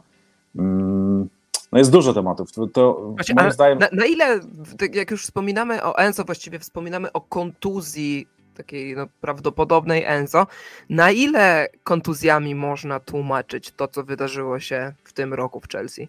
Trochę można tłumaczyć, bo jednak wiesz, jak popatrzysz na mm, na przykład Manchester City, to on przegrywa mecze, kiedy nie ma Rodriego, nie? Kiedy popatrzysz na e, Arsenal, kiedy zaczął e, słabnąć w zeszłym sezonie, to to był Arsenal bez Saliby, więc są tacy piłkarze, którzy, którzy są na pewno wartościowi i którzy powodują, że twoja drużyna na tym, na tym e, jednak mocno traci, no ale z drugiej strony wszyscy żyją w tych samych okolicznościach, prawda? Tottenham też miał mnóstwo kontuzji, Newcastle też ma mnóstwo kontuzji, każdy ma, Manchester United też ma bardzo dużo kontuzji e, i zależy jeszcze, jakich to są e, piłkarzy kontuzje. No, wiemy, że Chelsea miała, miała się opierać na, e, na kilku zawodnikach, e, takich najbardziej doświadczonych, którzy mogli ten zespół wznieść na wyższy poziom, czyli Reece James na przykład, prawda, i, i Christopher Nkunku, być może Ben Chilwell, akurat tak się złożyło, że, że cała ta trójka przez większą część sezonu jest niedostępna, nie? Zresztą, zresztą nie wiem, kwestia Risa Jamesa to już jest w ogóle to jest w ogóle odrębny temat i, i w którą stronę podąży jego kariera, to, to trudno, yy, trudno, trudno tak naprawdę na dzisiaj zgadywać i czy w ogóle, tak sobie pomyślałem, wiem, że to jest ważna postać, to jest człowiek stamtąd, E, takich ludzi Chelsea potrzebuje, bo, bo myślę, że żeby budować mocny, dobry skład, jakąś więź, to e, więź z kibicami, to trzeba mieć też e, wychowanków, trzeba mieć ludzi, którzy nie są tylko na chwilę, prawda? Nie są tylko po to, żeby robić wynik i robić swoją mm, karierę, tylko, tylko dadzą coś więcej. E, Czy, czy, czy na Risie Jamesie może Chelsea tak naprawdę w najbliższym czasie w ogóle się opierać, nie? I to jest to jest e, dość smutna historia. Natomiast wydaje mi się, że te kontuzje faktycznie, one mogły być jakimś, e, jakimś wytłumaczeniem e, problemów, zwłaszcza, że często było tak, że znikało kilku zawodników z jednej formacji nie? I, i naprawdę ciężko było to, to zbudować. Też patrząc na okres przygotowawczy, bo myślę, że do niego warto byłoby się odnieść, ten zespół był budowany właśnie pod Kunku, był zaraz chwilę później, przecież na początku sezonu wypada także Czuk Fuemeka, więc wypadają dwaj piłkarze, którzy akurat na tych pozycjach w ofensywie wydaje mi się byli, e, czy mieli być bardzo ważnymi, jak nie, jak nie kluczowymi piłkarzami. Chcę cię o jedno nazwisko e, podpytać, skoro już rozmawiamy o ofensywie, czyli e, Michał Łomudryk. Co ty o nim sądzisz? Ostatnio bramka w meczu z Newcastle, bardzo ważna, e, ale, ale no jednak w większości meczów, nawet w tym sezonie, wygląda jak taki człowiek niepasujący do tej drużyny. Człowiek, który nie za bardzo umie się odnaleźć w ataku pozycyjnym, z którym Chelsea ma ogromne problemy i potrafi mieć, nie wiem, 80, miejscami nawet 90% posiadania piłki i nie kreować nawet sytuacji. I, no i on też nie za bardzo rozumie się z bocznymi obrońcami. E, jak ty widzisz jego przyszłość w tym klubie i, i, i jak widzisz w ogóle jego pracę pod okiem Pochettino? No widzisz, y, i Mudryk jest przykładem tego, tej polityki, którą prowadził klub, prawda? Bo też mi się wydaje, że e, nie myślano, kupując Mudryka, o tym, w jaki sposób zostanie wykorzystany w, w danym momencie, w jaki sposób e, można wykorzystać jego, jego atuty. E, tylko myślano bardziej o tym, że to jest super inwestycja na przyszłość. To jest piłkarz o, o ogromnym potencjale. Zresztą rywalizacja z, z, z Arsenalem o tego piłkarza też pewnie podniosła trochę, e, trochę mm, stawkę. E, I no nie wiem, czy, czy to jest piłkarz, który na ten moment e, jest w stanie zagwarantować tobie mm, wejście na wyższy poziom. Nie wiem. Patrzę na niego i widzę, że on się, że on się pewnie oswaja trochę jeszcze z tą ligą, że widać w niektórych meczach, że jest lepiej. Były spotkania, no, chyba z Evertonem, ale dobrze pamiętam, komentowałem to spotkanie, gdzie dobrze zaczął, ale to jest też piłkarz, który ma takie momenty, takie zrywy, że, że bywa nieźle i potem, i potem też, e, też znika. Nie wiem, wydaje mi się, że to jest rola trenera właśnie, żeby umieć e, znaleźć dla niego, dla niego możliwie, możliwie najlepsze rozwiązanie. I czy, i czy w e, obecnym układzie, jeżeli teraz jeszcze wróci Nkunku, czy będzie dla niego w ogóle miejsce w pierwszym składzie, no bo będziesz musiał zmieścić Palmera, będziesz musiał zmieścić Nkunku, będziesz musiał zmieścić Sterlinga, zobaczymy, jak ułożona zostanie środkowa linia, no ale tam masz e, w zasadzie, no masz Enzo, masz Caicedo, masz Gallaghera. Wydaje się, że każdy z nich e, musi grać. No i nagle być może okaże się, że Mudryk będzie takim super zmiennikiem, takim kimś, kto będzie wchodził na, na, na, ze swoją dynamiką i szybkością, będzie, będzie dawać przewagę w ostatnich, w ostatnich fragmentach spotkań. Ja tak, go, ja tak go trochę postrzegałem. Dla mnie to był dziwny transfer z tego powodu, że znaczy w ogóle cała ta rozmowa y, o, o wysokiej kwocie za niego, jaka się zaczęła jeszcze zanim trafił do Chelsea, y, to była trochę dla mnie dziwna rozmowa, no bo on tak naprawdę rozegrał y, w zawodowej piłce ledwo kilkadziesiąt meczów, nie? No i, i, i płacić takie pieniądze za, za piłkarza, który tak naprawdę nie był poważnie sprawdzony w zawodowej piłce, zagrał parę fajnych meczów w Lidze Mistrzów, no, no to było jednak ryzyko, nie? No ale dobra, kluby podejmują ryzyko, biorą, biorą, wiadomo, biorą pod uwagę to, że jest potencjał, że jest, y, że jest przyszłość przed takim zawodnikiem. Natomiast na dziś wydaje mi się, że Mudryk, no nie, nie stawiałbym go w pierwszym szeregu y, najwartościowszych w tym momencie zawodników w klubie. Mhm. Dobra, na koniec y, pogadajmy chwilę o, o Pochettino, bo to mnie najbardziej interesuje. I pytanie nie jest ode mnie właściwie, bo, bo ja mam swoją gdzieś tam sztywną e, i twardą odpowiedź na to, na, na to pytanie właśnie, ale często pojawia się w internecie, więc muszę je e, tobie zadać. Czy Chelsea przez to ostatnie pół roku jest lepszą drużyną niż Chelsea w zeszłym sezonie? Myślę, że jest lepszą. Jest lepszą, tylko mm, jest nierówną i e, ja wydaje mi się, na razie nie szukałbym winnych e, w sztabie, w sztabie trenerskim. Wydaje mi się, że Pochettino e, ok, nie ma jeszcze idealnego składu, o tym sam mówi, że jeszcze potrzebuje wzmocnień, jakkolwiek to zabrzmi przy, przy takich wydatkach, jakie po, poczyniono w ostatnich oknach transferowych, ale mimo wszystko, e, że to jeszcze nie jest e, taki, taka jedenastka, czy taki zespół, jakiego e, on by oczekiwał. No i dobra, i czekamy, bo moim zdaniem e, są ewidentne poprawy w wielu statystykach i ofensywnych, i także w sumie defensywnych. E, ten zespół powinien być moim zdaniem co najmniej kilka pozycji wyżej, co najmniej. Gdzieś powinien się zakręcać. E, ja rozumiem, że ten zespół jest młody i że, i że to jest właśnie często też problem, że są wahania formy, że są jakieś proste błędy się czasami przytrafiają, albo brakuje zimnej krwi. Natomiast wydaje mi się, że tak w okolicach 5-6 miejsca bym, bym Chelsea e, spokojnie widział. Natomiast no, wy, wy, wygląda na to, że to jest ten przypadek, w którym jednak trochę dłużej trzeba poczekać na wynik. E, nie tak jak, nie wiem, mówiłem już o Aston Villa, która tak naprawdę dość szybko odpaliła pod Emerim.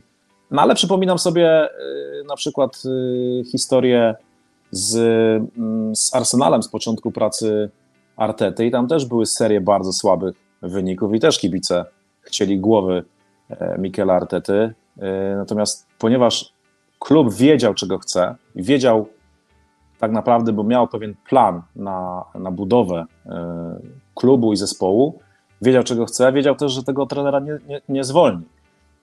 Więc no teraz pytanie u właścicieli, czy właściciele są na tyle zdeterminowani, wiedzą czego chcą i wiedzą w jaki sposób chcą dotrzeć do celu i co jest celem Chelsea tak naprawdę. Nie mówię celem na, na teraz, nie mówię celem na koniec tego sezonu, tylko do, do czego chce doprowadzić Todd Bowley, kim czy czym ma być Chelsea w najbliższych powiedzmy kilku latach. No bo ja sobie wyobrażam, że klub, który miał takie sukcesy, e, powinien e, dążyć do powrotu do historii sprzed właśnie paru lat, czyli do bycia konkurencyjnym na rynku angielskim czy na rynku europejskim sezon po sezonie, prawda? Czyli doprowadzania do sytuacji, że no, okej, okay, możesz w jednym sezonie nie wygrać żadnego mm, trofeum. To nie jest problem, że nie wygrasz trofeum. Możesz nie wygrać tytułu mistrzowskiego, ale jesteś zespołem yy, z elity. Jesteś zespołem, który po prostu e, zawsze walczy o, o najwyższe cele, nawet jeżeli czasami się tego nie uda zrobić. Tak sobie to wyobrażam, że tak powinno, taki powinien być cel postawiony przed właścicielami. Ale czy tak jest rzeczywiście?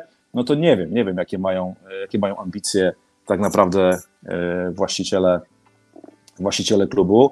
Na pewno mają ambicje, żeby szybko wrócić na, na wysokie miejsca, ale właśnie tego się szybko nie da zrobić. Takie mam, takie mam wrażenie, że po prostu to trzeba mieć zaplanowane, jakieś kroki, które, które trzeba wykonać po drodze, żeby zbudować, e, zbudować po prostu fundamenty, zbudować e, najpierw więź z kibicami. Myślę, że ten mecz z Newcastle może być, może być jakimś momentem przełomowym. Widać było, jak to bardzo jak to bardzo wszystkich podniosło na duchu, to zwycięstwo w takich dramatycznych okolicznościach, te karne, ta, e, ten sukces z drużyną, która kilka czy kilkanaście dni wcześniej przejechała się po tobie e, na, na St. James's Park. Więc e, no bardzo, bardzo ciekawa, ciekawa historia nas czeka w najbliższym czasie. Zobaczymy, w którą stronę to pójdzie. Natomiast ja Pochettino, e, już tak zamykając wątek menedżera, ja bym jednak mu dał czas, dał, dał szansę. Nawet jeżeli miałoby się to w tym sezonie skończyć E, brakiem awansów, e, brakiem awansu do europejskich pucharów. No to na sam sam koniec. E, czego byś życzył w nowym roku kibicom Chelsea?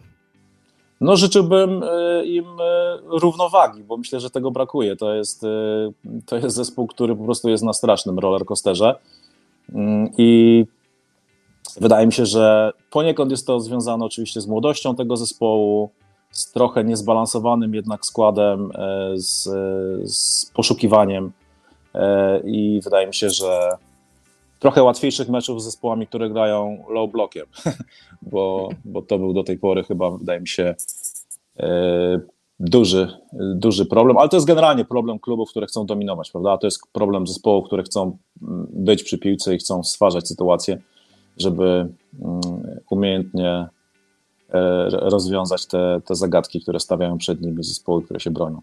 Przemek wyraźnie ma, ma zdanie, że, że nie trzeba obwiniać. Rozmawialiśmy o tym wcześniej, że, że piłkarze nie są największym problemem, że trener nie jest największym problemem. Kuba, jak ty na to patrzysz? Jak patrzysz na przyszłość Pochettino? I tutaj właściwie już e, podsumowując 20, 2023 rok, powiedzmy sobie o 2024. Czy Chelsea powinna sobie życzyć tego, żeby ten kolejny rok także kończyć z Mauricio Pochettino na ławce trenerskiej? wydaje mi się, że to jest jedyny taki scenariusz, który e, będzie zakładać racjonalne, racjonalny jakikolwiek plan, żeby ten Mauricio Pochettino dotrwał tego końca sezonu i żebyśmy mogli go ocenić po sezonie. A, I żeby się nie działy żadne takie sytuacje, jak mieliśmy przyjemność oglądać z Grahamem Potterem, gdzie tam go zastępował Frank Lampard gdzie nie wiedzieliśmy właściwie, kto będzie tym nowym trenerem, i to wszystko było, takie jak już wcześniej mówiliśmy, chaotyczne, bo chyba naj, najmniej czego Chelsea teraz potrzeba, to jest właśnie ten chaos, żeby nawet jeżeli te wyniki nie będą się zgadzać, to to by musiała być naprawdę dramatyczna sytuacja w tabeli, żeby Pochettino został zwolniony. Tak mi się przynajmniej wydaje, że do końca sezonu ten czas na pewno Pochettino powinien dostać, bo sytuacja no nie wiem, jakby się musiała skomplikować, żeby, żeby został Pochettino zwolniony. Na razie to wygląda... Ale Kuba, bo... poczekaj. Kuba, Kuba, poczekaj, to zadam Ci takie pytanie jeszcze. To samo pytanie, które przed chwilą usłyszeliśmy i które zadałem Przemkowi, ale, ale jako, że Ty jesteś kibicem Chelsea, masz inną perspektywę, to chciałbym zadać Tobie. Czy według Ciebie Chelsea w tym sezonie jest lepsza niż była w zeszłym sezonie? No kurczę, to jest trudne pytanie, bo Chelsea gra tyle tych meczów, że nie, nie wiesz do czego możesz się odwołać, bo możesz sobie wziąć pod uwagę pod uwagę Liverpool, możesz wziąć West Ham, to są dwa inne zespoły, ale no wydaje mi się, że tak, biorąc całokształt, że jest lepsze niż, niż w zeszłym sezonie. Ja w zeszłym sezonie się przynajmniej oglądając te chociażby, nie wiem, 10 e, ostatnich meczów sezonu, ja się męczyłem oglądając Chelsea. Ja już nawet myślałem, czy włączać ten mecz, czy oglądać skróty, bo tego się nie dało oglądać pod względem tego, że my nie widzieliśmy chęci gry w tych zawodnikach. A teraz, teraz to chcesz włączyć ten mecz, żeby chociaż zobaczyć, czy, czy ta Chelsea da radę przeciwko mocnej drużynie, bo wiesz, że ona chociaż mimo planu będzie się starać teraz nawet jak się wkurzasz oglądając te mecze, to i takie włączasz, a wtedy nie było ochoty. Teraz jest wkurzenie, a, a nie bezradność i myślę, że to jest, y, to, jest, to, to, jest, to jest oznaka progresu. A jak wygląda na liczbach to, co przez ostatnie miesiące widzieliśmy, widzieliśmy wcześniej pod wodzą Mauricio Pochettino? Do tej pory rozegraliśmy w Premier League 17 meczów, zdobyliśmy w nich 22 punkty, mamy 6 wygranych i 4 remisy. I teraz co zaskakujące, bo powiedziałem przed chwilą, że mamy 6 wygranych, mamy 7 przegranych. Powiedziałbyś takie coś po preseasonie? Że będziemy mieć więcej przegranych po, po 17 meczach niż wygranych? No ja po preseasonie byłem pozytywnie nastawiony. Nie ukrywam. Dałem no się oszukać. Nie sądzę, że ktokolwiek by powiedział, że będziemy mieć więcej przegranych niż wygranych. No kurczę, no ja bym powiedział, że będziemy mieć najwięcej remisów. Tak bym powiedział, że ta Chelsea nie będzie wygry... że ta Chelsea może nie będzie tak często wygrywać, ale że będzie remisować te mecze, że będziemy się tak wkurzać, że właśnie że to będą te remisy, a te przegrane jednak są. Mamy 28 zdobytych bramek, 26 straconych, jesteśmy dwa na plusie. I teraz co ciekawe, bo ja znalazłem tą informację, ja byłem w szoku. Chelsea ma trzecie najlepsze XG w lidze po Liverpoolu i Newcastle powiedziałbyś takie coś bez zaglądania w statystyki. No ja nie, ja, to, ja zobaczyłem tą statystykę i byłem w szoku. Z jednej strony nie, z drugiej strony tak jednak. W meczach, w meczach dużo marnujemy. Zresztą nawet w spotkaniu z Newcastle, w którym akurat expected goals nie mieliśmy na wysokim poziomie, to, to mieliśmy swoje sytuacje. Jackson miał bardzo dobrą sytuację. No tak powiedziałbym, ze trzy naprawdę dobre sytuacje mieliśmy, tylko akurat one były w z takiego poziomu tak byli ustawieni obrońcy Newcastle, że ten współczynnik XG się nie nabijał. Czy tam może nie, że obrońcy, tylko tak po prostu w, w, takim miejscu były oddawane strzały, więc współczynnik XG się, się, się nie nabijał, ale nawet z Newcastle mieliśmy tę sytuację. Biorąc pod uwagę, ile marnuje Jackson, jak, jak mamy nieskuteczną ofensywę, no to tak, ja, mnie to nie dziwi, że my mamy taki wysoki współczynnik XG, i, ale, ale no mnie to pociesza i ja lubię współczynnik XG, jakby można się na to denerwować, można to w ogóle wyśmiewać, że liczą się bramki, a nie expected goals i to jest prawda, ale expected goals pokazuje to, czy drużyna kreuje, czy nie. I dużo wydaje mi się, że mając taką drużynę jak Chelsea, można wierzyć w to, że rozwijając też indywidualnie zawodników, zawodnicy szczególnie w ofensywie są bardzo młodzi, to w końcu przyjdzie wraz z ich rozwojem, przyjdzie skuteczność. A to, że to XG jest stosunkowo duże, to znaczy, że pewne rzeczy, które próbuje zaimplementować Pochettino, wychodzą po prostu. To są tylko pewne rzeczy, bo dużo z rzeczy nie wychodzi. Na przykład w momencie, w którym drużyna gra niskim blokiem, o czym mówił Przemek, więc nie będę się powtarzał, ale, ale znaczy nie będę powtarzał tej myśli, no ale tylko wspomnę, że w momencie, w którym drużyna się broni niskim blogiem, to jest nam trudno ją przebić i to jest problem, którego Pochettino nie umie rozwiązać na razie, więc, więc to jest dużo problemów, no ale jednak to kreowanie przynajmniej jakiekolwiek jest. A uważasz, że jeszcze z Pochettino to się poprawi? Czy już nie? Czy już to będzie. Czy Pochettino będzie takim człowiekiem, który teraz wrócił Enkunku i te problemy będą same uciekać? Czy to jednak będzie takie lepienie i właściwie naprawianie tych błędów pojedynczo, że będziemy naprawiać jeden błąd i później dopiero jak naprawimy ten jeden, to będziemy przechodzić do kolejnego i tak przez cały sezon będziemy to lepić? No Nkunku to jest nazwisko, które wraca i nie tylko wraca w naszym podcaście, bo mówimy o nim już jakiś nie wiem który raz, ale też wraca w ogóle w kontekście rozmowy o Chelsea jakiejkolwiek w tym sezonie. E, ja bardzo bym chciał uciekać od pokładania nadziei w jednym piłkarzu, ale chyba nie zostało nam nic innego i musimy wierzyć, że Nkunku zmieni e, tę ofensywę, zwłaszcza, że ten preseason, o którym mówiliśmy, ten dobry preseason, po którym byliśmy jednak napaleni na, na, na te rozgrywki, no odbywał się z nim w składzie i to on sprawiał też, że miejsca miał więcej, nie wiem, Nicolas Jackson. Wydaje mi się, że Nicolas Jackson może w ogóle grać lepiej z Nkunku. On w ogóle To najwięcej tylko- chyba tak. stracił na tej, na tej stracie Nkunku, poza samą Chelsea. Nicolas Jackson to jest chyba największy przegrany tej, e, tej kontuzji Nk- Nkunku.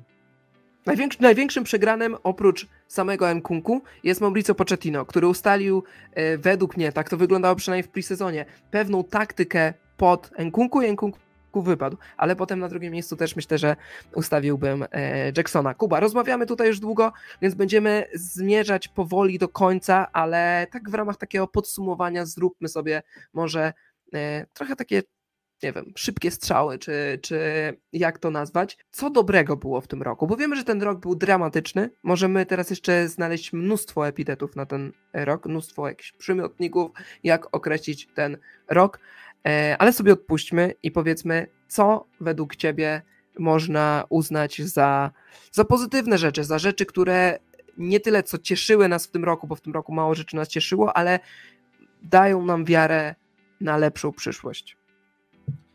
Wiesz co, wydaje mi się, że taką ja powiem chyba trochę nietypową rzecz, która nie rzuca się od razu, ale dla mnie sam proces wyboru Pochettino to było coś, czym się pozytywnie zaskoczyłem, bo w grze były dwa nazwiska właściwie. Cały czas myśleliśmy, czy to będzie Enrique, czy Nagelsmann i tak właściwie te dwa nazwiska były cały czas w grze, bo nie widzieliśmy innych kandydatów. I dostajemy właściwie taką grę, gdzie media cały czas, ca, cały czas nam dają te dwa nazwiska. Jesteśmy pewni, że Todd Bowley pójdzie po prostu po jednego z nich, no bo tak to na razie wyglądało. Media coś rzucają i później Todd Bowley leci, albo Begdat Egbali leci po zawodnika. A tutaj dostaliśmy, kurczę, proces, w którym ten proces, nawet tu się to słowo pojawia, ale dostaliśmy proces wyboru trenera, który był naprawdę przez kilka dobrych tygodni analizowany. Tu dostawaliśmy informację, że Enrique był na rozmowach, tu, że Nagelsmann dostał telefon, tu, że było spotkanie z Pochettino. To faktycznie wydawało się, że to było na, na naprawdę fajnym poziomie i, i po prostu chcieli po prostu e, chcieli jakby ten błąd zatrudnienia Grahama Pottera teraz przekuć w coś pozytywnego, żeby wiedzieć, że ten Pochettino będzie na 100% dobrym wyborem. Tu się z Tobą zgadzam. E, To ja jadę dalej po prostu. E, Trochę o tym wspomnieliśmy, ale warto to jeszcze raz odnotować. W plusach tego roku transfer Enzo Fernandeza i chyba moment here we go, o, kiedy to ogłosił Fabrizio Romano, bym dał do top 5 momentów w tym roku, co pokazuje też jak dramatyczny to był, to był rok, że musimy wybierać moment nieboiskowy, no ale tak było. Kuba, kolejny plusik. Wymieńmy sobie tak po trzy. Według mnie kolejnym plusem może być Cole Palmer. Jest to zawodnik, e, którego chyba się nikt nie spodziewał, że Chelsea po niego ruszy, bo przecież to były ostatnie dni okienka, kiedy spodziewaliśmy się, że dostaniemy jakiegoś, kto tam się przewijał, Fati chociażby, czy tam Rafinha, znowu powrót po niego, a nikt się nie spodziewał, że ruszymy po zawodnika, który już gra w Anglii i właściwie znowu młodego, więc to była kolejna rzecz, e, która po prostu spowodowała u nas, wydaje mi się, że przede wszystkim zaskoczenie, bo nie sądziłem, że my możemy ruszyć po zawodnika Manchesteru City. No nie spodziewałem się po prostu tego, że ruszymy po prostu na zagraniczny grunt, to tak, ale nie, że Manchester City. A okazało się, że to był strzał w dziesiątkę, no i teraz Cole Palmer wydaje się, że jest zawodnikiem, który będzie stanowić tą człon składu Pochettino. I to, co cieszy, to to, że nie ma takiego gadania, że on potrzebuje czasu. Oczywiście niektórzy piłkarze potrzebują czasu, ale on jest, nie wiem, jednym z pierwszych w ogóle zawodników, którzy tuż po transferze do Chelsea grają na tak wysokim poziomie i, i po prostu on wszedł, gra dobrze, jest najlepszym zawodnikiem w tym momencie pewnie, jeśli chodzi o formę.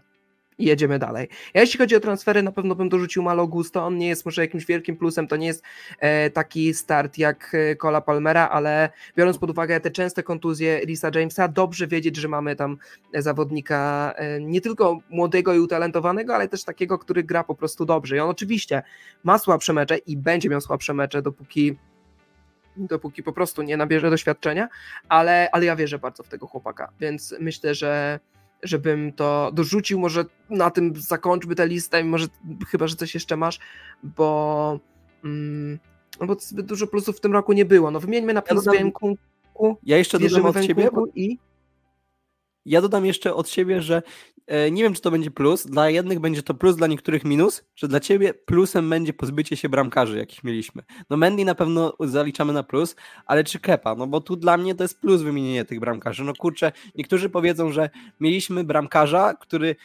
grał może nie, nie był klasy światowej, ale grał stabilnie, a wymieniliśmy go na Sancheza i Petrowicza, do którego nie wiedzieliśmy właściwie przed sezonem, co się możemy spodziewać, ale wydaje mi się, że kurczę, nawet biorąc pod uwagę tą niewiedzę, niewiedzę, że nie wiedzieliśmy, czy to będzie, czy to zacznie grać, czy nie, wyszło to mimo wszystko na plus.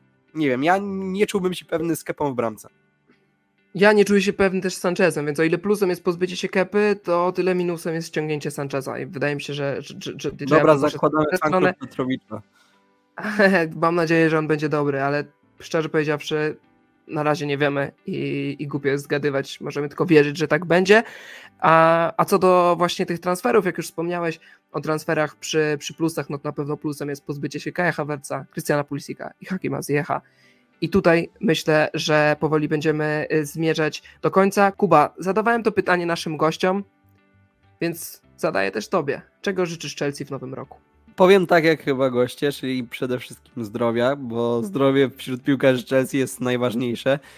I żeby grali tak, że będziemy mogli do końca sezonu siadać do tych meczów i nie mówić sobie, kurczę, trzeba znowu obejrzeć, obejrzeć ten mecz Chelsea, tylko żeby nawet jeżeli to będą średnie wyniki, bo mam nadzieję, że najgorsze nie będą, to żebyśmy wiedzieli, że tam będzie chociaż walka i nie będziemy wiedzieć, że siadamy do tego meczu i już znamy rezultat, jaki będzie, że przegramy 2-0 na przykład, bo to jest, nie wiem, Manchester United czy ktokolwiek, że nie będziemy wiedzieć, czy to będzie na pewno przegrana i że będziemy siadać do tych meczów z przyjemnością. I teraz wykorzystamy też ten moment, żeby Wam, drodzy słuchacze, złożyć życzenia. W imieniu podcastu Up the Blues e, składamy Wam najserdeczniejsze życzenia, aby to były spokojne przede wszystkim święta. Wiadomo, Chelsea gra w Wigilię, więc o ten spokój nie będzie łatwo, ale żeby... Na wyjeździe. żeby po pierwsze, żeby Chelsea wygrała ten mecz, a po drugie, żeby, mm, żeby można było o wszystkich stresach związanych nie tylko z Chelsea, ale przede wszystkim z pracą czy innymi rzeczami e, odłożyć gdzieś na bok i spędzić go w rodzinnym gronie. Dlatego tego Wam życzymy na święta. E, Noworocznych życzeń jeszcze nie będziemy Wam składać, bo w międzyczasie się usłyszymy, bo w międzyczasie gra Chelsea, e, ale tutaj świąteczne pozdrowienia od całej naszej ekipy. Wszystkiego dobrego jeszcze raz. Przypominam, do, że można obserwować nasz kanał na Spotify, na YouTubie, do czego serdecznie zachęcam, bo jesteśmy bardzo blisko przebicia bariery tysiąca subów, co będzie dla nas super skończeniem tego roku i super prezentem świątecznym. No i oczywiście przypominam o Coffee, o którym mówiłem na początku podcastu. Link jest w opisie, tam naprawdę można nas wesprzeć symboliczną kwotą, a dla nas to będzie oznaczało bardzo, bardzo dużo. E, Dziękujemy bardzo naszym gościom, czyli jeszcze raz Jonaszowi Zasowskiemu z angielskiego Espresso oraz Przemkowi Pełce z Via Play Polska. Dziękuję Kubie, który był e, razem ze mną. No i kłaniam się ja, czyli JJ. Jeszcze raz wszystkiego dobrego i do usłyszenia po świętach. Cześć.